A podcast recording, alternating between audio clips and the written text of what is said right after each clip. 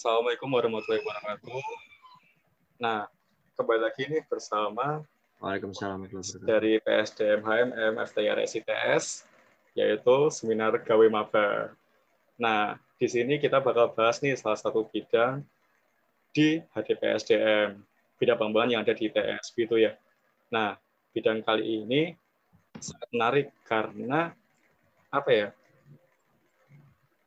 Ter- bidang ini terkait dengan suatu perkumpulan orang gitu yang di mana kita sebut sebagai organisasi. Nah, karena kita sebagai mahasiswa di kampus, maka kita akan bahas organisasi kemahasiswaan gitu.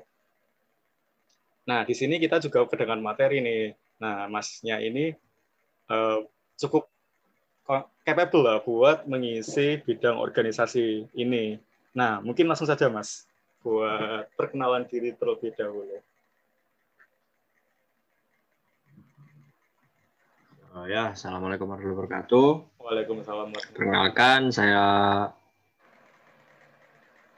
Maulana Hanif, biasa dipanggil Hanif dari Teknik Mesin ITS angkatan 2016. Nah, mungkin bisa disebutkan enggak Mas buat pengalaman organisasinya gitu?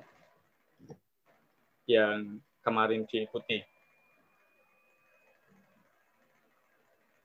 Uh, kalau pengalaman saya alhamdulillah uh, diberi wadah atau ya istilahnya ada tempat untuk banyak belajar.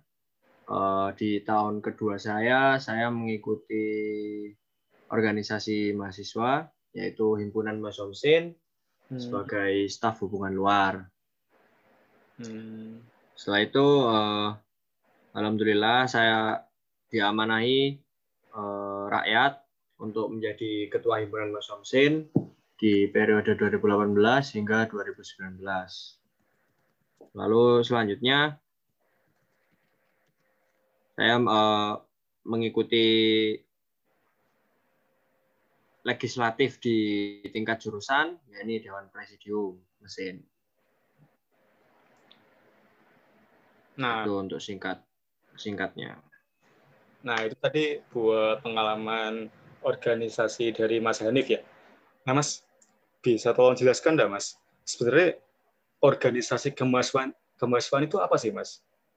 Gitu. Uh, bicara organisasi sebenarnya organisasi ya merupakan sebuah wadah atau sebuah alat yang digunakan untuk mencapai tujuan bersama. Ketika konteksnya organisasi mahasiswa, berarti tujuan bersama bersama yang dimaksud ini adalah mahasiswa. Hmm. Dan lingkupnya itu di tingkat mahasiswa itu sendiri, dari oleh dan untuk mahasiswa. Seperti itu. Hmm. Nah, berarti kalau bicara organisasi organisasi kemahasiswaan dan kita sebagai dalam satu sistem ya Mas di KMITS berarti ada banyak organisasi nih kayak eh, himpunan lalu kalau bicara soal BEM itu ada BEM fakultas lalu ada BEM tingkat institut gitu ya Mas. Nah, sebenarnya eh, yang membedakan antara himpunan BEM fakultas dan BEM institut itu apa ya Mas? apa peran fungsinya atau ranahnya gitu apa apa yang membedakan ketika kita itu mengikuti himpunan BEM fakultas dan BEM institut gitu mas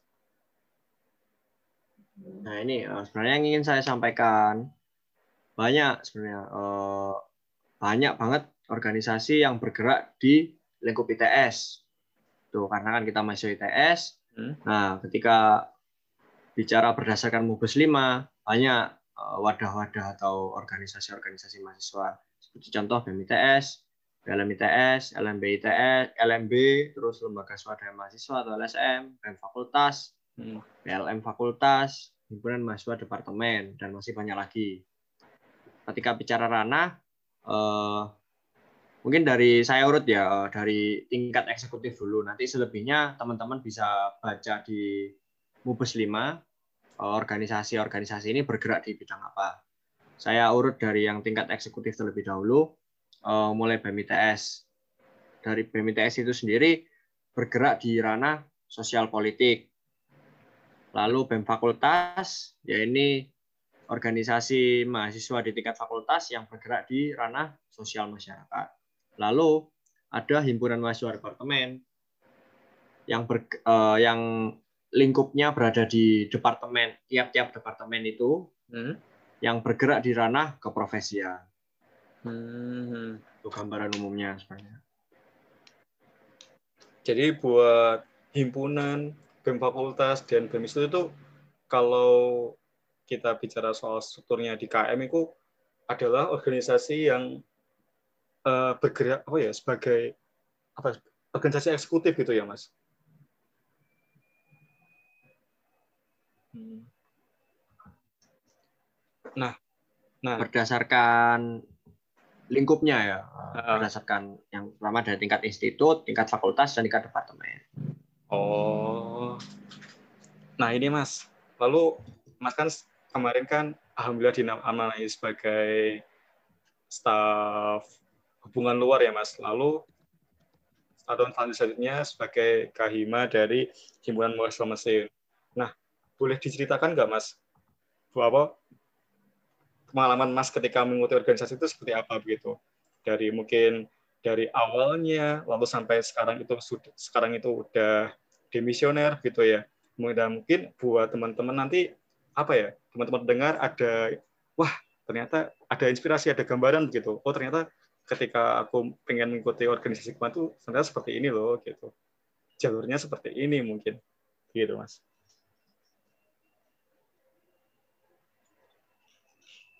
Uh, bicara pengalaman, pengalaman dulu ya Mas Yoga ya? Boleh, boleh atau gimana? Pengalaman dulu atau Iya benar ya? Iya, pengalaman dulu. Langsung aja ya. Dari staff. Uh, yang jelas, oh ya. Kalau saya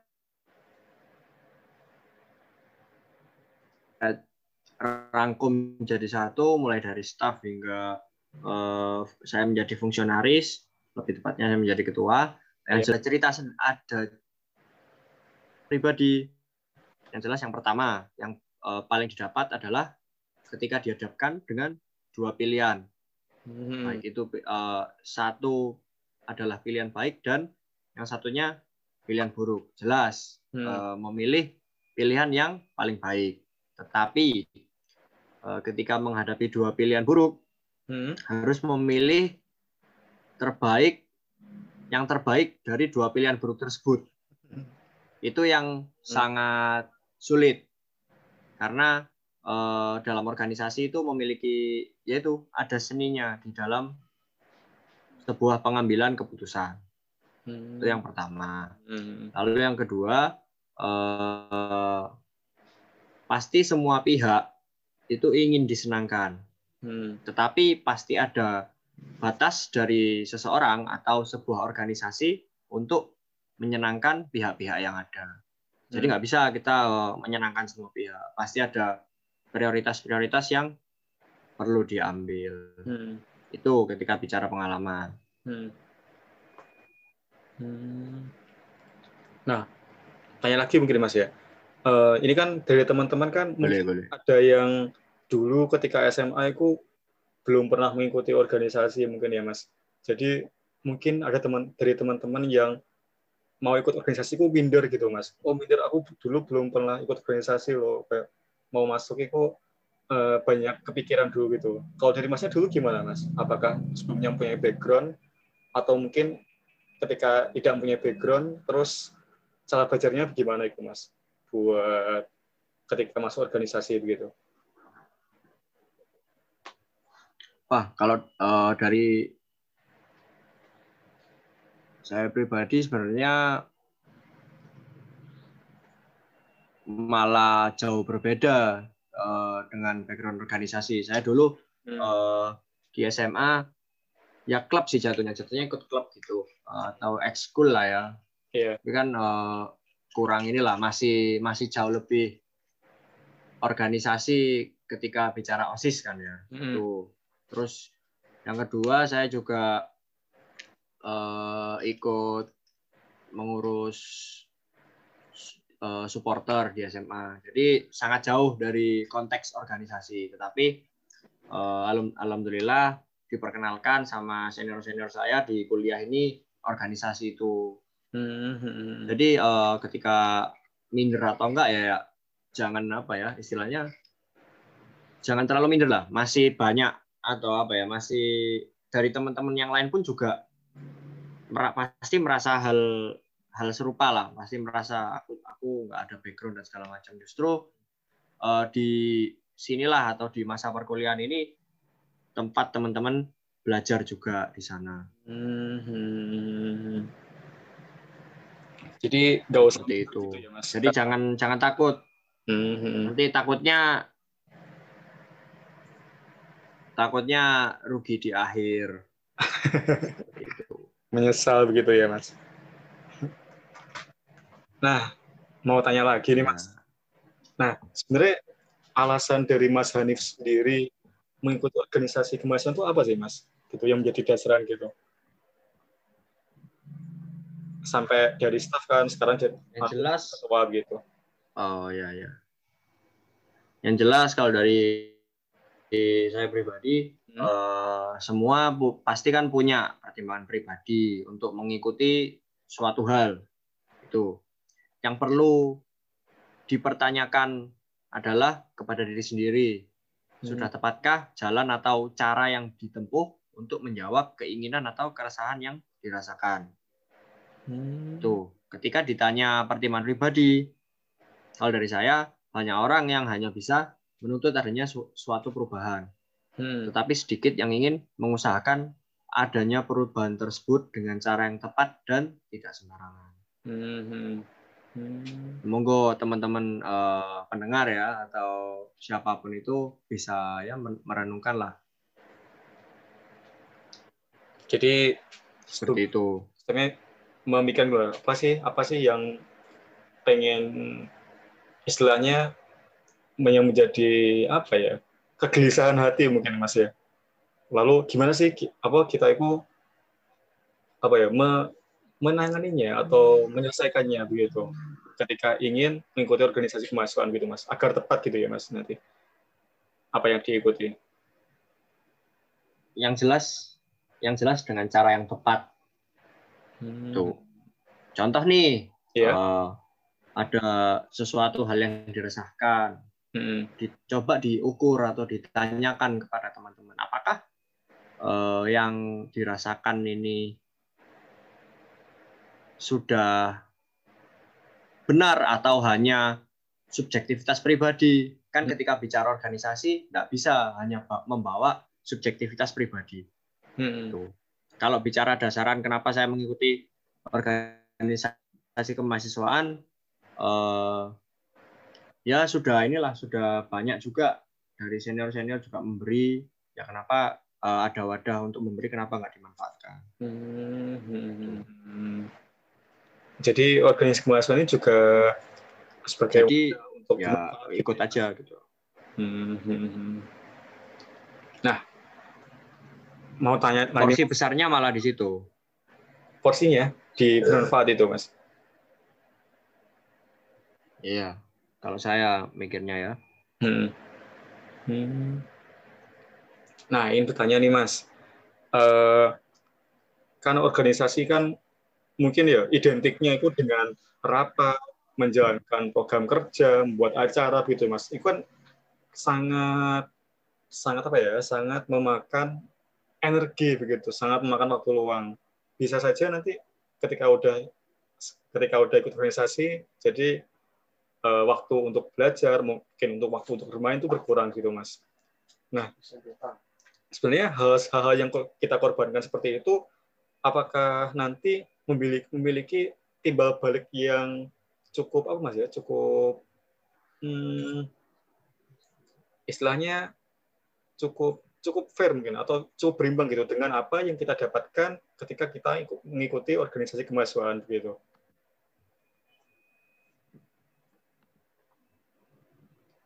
Wah, kalau uh, bicara cukup atau enggak tetap teman-teman pendengar atau siapa pun itu yang Hmm. menilai. Tapi kalau bicara manfaat yang didapat, Ya.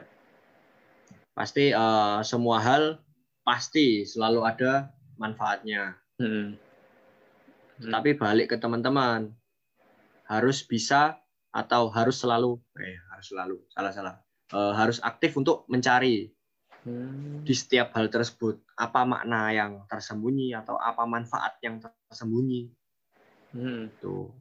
Ketika konteksnya adalah organisasi, Hmm. banyak hal yang bisa teman-teman peroleh, terutama dalam hal pengembangan diri, Hmm. mulai dari mendengar, aktif mendengar, aktif berbicara, aktif mengkomunikasikan gagasan, hingga eh, memiliki pola pikir yang sistematis. Hmm. Seperti itu. Tambah lagi juga eh, yang jelas konsep apa yang kamu tanam itu yang kamu tuai adalah nyata adanya dalam sebuah organisasi. Hmm. Itu. Wah, jadi manfaat yang didapatkan ketika kita mengikuti organisasi sangat banyak ya, Mas. Jadi, Sangat banyak. Nah, ini terakhir ini, Mas. Nah, dari Mas Hanif sendiri, ada pesan nggak, Mas, untuk pendengar? Mungkin pendengar ini ada yang ing- pengen mengikuti suatu organisasi kemahasiswaan nih, entah itu nanti organisasi yang ber- bergerak di bidang eksekutif atau legislatif gitu ya. Ada pesan nggak, Mas? Pesan-pesan gitu. Boleh banyak nggak Mas Yoga? Boleh ya? Boleh. Boleh. siap. Oh. Ya ada empat sebenarnya Hah? yang ingin saya sampaikan. Kalau bicara pesan ya. Hmm. Satu, eh, banyak wadah untuk teman-teman bisa berkreasi sebebas-bebasnya. Hmm. Karena masih mahasiswa ya manfaatkan waktu tersebut lah. Tapi yang perlu disoroti adalah semua hal dimulai dari lingkup dan lingkungan terkecil. Itu satu. Lalu yang kedua, bersyukur ketika nanti teman-teman dihadapkan dengan permasalahan-permasalahan. Karena dari situ teman-teman bisa belajar sebanyak-banyaknya dan sedalam-dalamnya. Lalu yang ketiga, konsekuen atas pilihan teman-teman sekecil apa pun itu. Ini ini kan eh, konteksnya pengenalan inilah eh, ranah-ranah pengembangan dari mahasiswa. Jadi kalau bisa ketika memang sudah terjun di salah satu organisasi, dan saat ini konteksnya organisasi, Hmm? ya kalau bisa ya jangan cuma main-main di pinggir danau, ya sekalian nyelup aja. Oh, Yaitu analogi yang bisa tak sampaikan lah. hmm. Jadi jangan cuma setengah-setengah. Pasti nanti teman-teman dapatnya juga ya setengah-setengah. Gitu. Hmm. Terus yang terakhir eh, harus banyak belajar dan coba diskusi bertukar pikiran dengan teman-teman baik eh, teman-teman sejawat, senior maupun junior. Karena eh, menurut saya pribadi manusia ya nggak bisa lepas akan hal tersebut.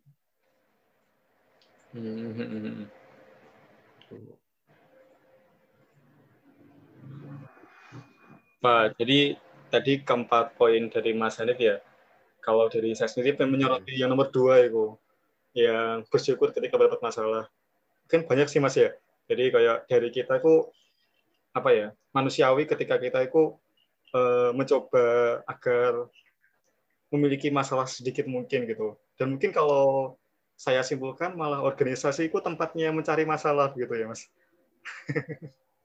tempat kita mencari masalah gitu. Namun malah kalau tadi kata Mas Hanif, malah bersyukur kalau kita mendapat masalah karena dari masalah yang ada kita dapat mengambil pelajaran darinya, gitu ya Mas. Jadi makin banyak masalah, makin banyak belajarnya gitu ya Mas. Tetapi hal itu bukan menjadi hal yang utama kalau Hmm. menurut saya.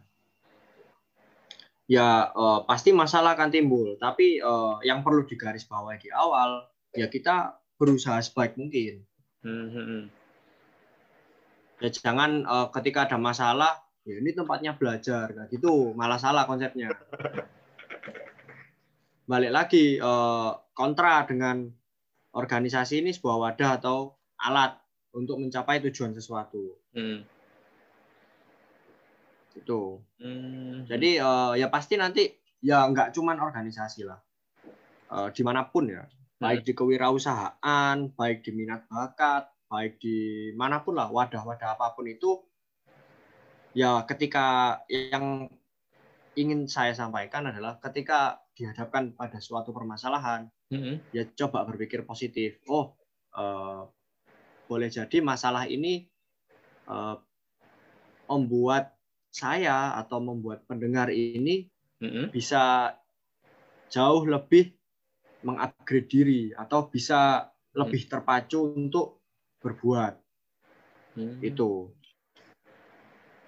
jadi ya tetap ya tetap masalahnya ya juga harus diatasi jelas mm. Ya kalau nggak gitu bisa di anu lah bisa dipermasalahkan dengan berbagai dengan berbagai pihak toh mm-hmm poinnya di situ. Hmm. Ada lagi mungkin mas? Mungkin terakhir sih ini. Iya. Boleh ya. Closing statement. Uh, dari saya pribadi, hmm. oh ya, closing statement. Saya ingin ini uh, berterima kasih kepada teman-teman saya, senior saya, bahkan junior saya karena dari mereka saya juga banyak belajar. Saya bisa selamat hingga di titik inilah karena banyak belajar dari subjek-subjek yang sudah saya sebutkan tadi. Nah, hal-hal tersebut uh, yang uh, hal-hal tersebut merupakan hal yang sangat besar bagi saya yang saya dapatkan. Nah ketika berada di sebuah organisasi. Seperti itu. Yang jelas uh, teman-teman senior bahkan junior saya tidak bisa saya sebutkan semua. Tapi uh, saya ingin banyak-banyak berterima kasih lah pada mereka-mereka semua. Tuh. Hmm. wah berarti banyak pihak ya mas yang apa ya yang mendukung yang juga menemani mungkin ya mas dan bisa sampai ya. menjadikan mas seperti sekarang gitu ya nah masih hidup lah selamat lah hingga detik ini alhamdulillah Alhamdulillah. nah, uh, ini teman-teman. Nah, habis ini tetap seperti kemarin, seperti sebelum-sebelumnya ya. Nah, habis ini bakal ada form yang bakal disediakan buat teman-teman. Nah, kalau teman-teman mempunyai pertanyaan nih, mempunyai untuk bidang organisasi yang ditujukan ke Mas Hanif tentunya bisa tuh nanti nulis di form apa aja sih pertanyaannya begitu mau tanya-tanya apa soal organisasi gitu ya. Jadi langsung ditulis aja di form Nah, nanti insya Allah bakal dijawab oleh Mas Hanif sendiri gitu. Nah, sekian podcast seminar gawe maba dari PSDM HMM FTI RSITS pada kali ini. Nah, nah gimana teman-teman tadi buat pemaparan materi tentang organisasi dari Mas Hanif cukup jelas ya. Nah, mudah-mudahan apa yang dipaparkan tadi bisa menjadi bahan pertimbangan teman-teman mungkin ya. Jadi buat pengetahuan, nah nantinya akan memudahkan teman-teman ketika nanti ingin berkembang di bidang yang ada di ITS gitu. Nah, di saya sendiri mengucapkan terima kasih banyak kepada Mas Hanif atas ketersediaan waktunya untuk memberikan materi tentang bidang pengembangan ya, memberikan sedikit ilmu bagi teman-teman dan bagi saya sendiri tentunya. Nah, oh ya sama-sama. Bisa kita tutup buat podcast malam hari ini.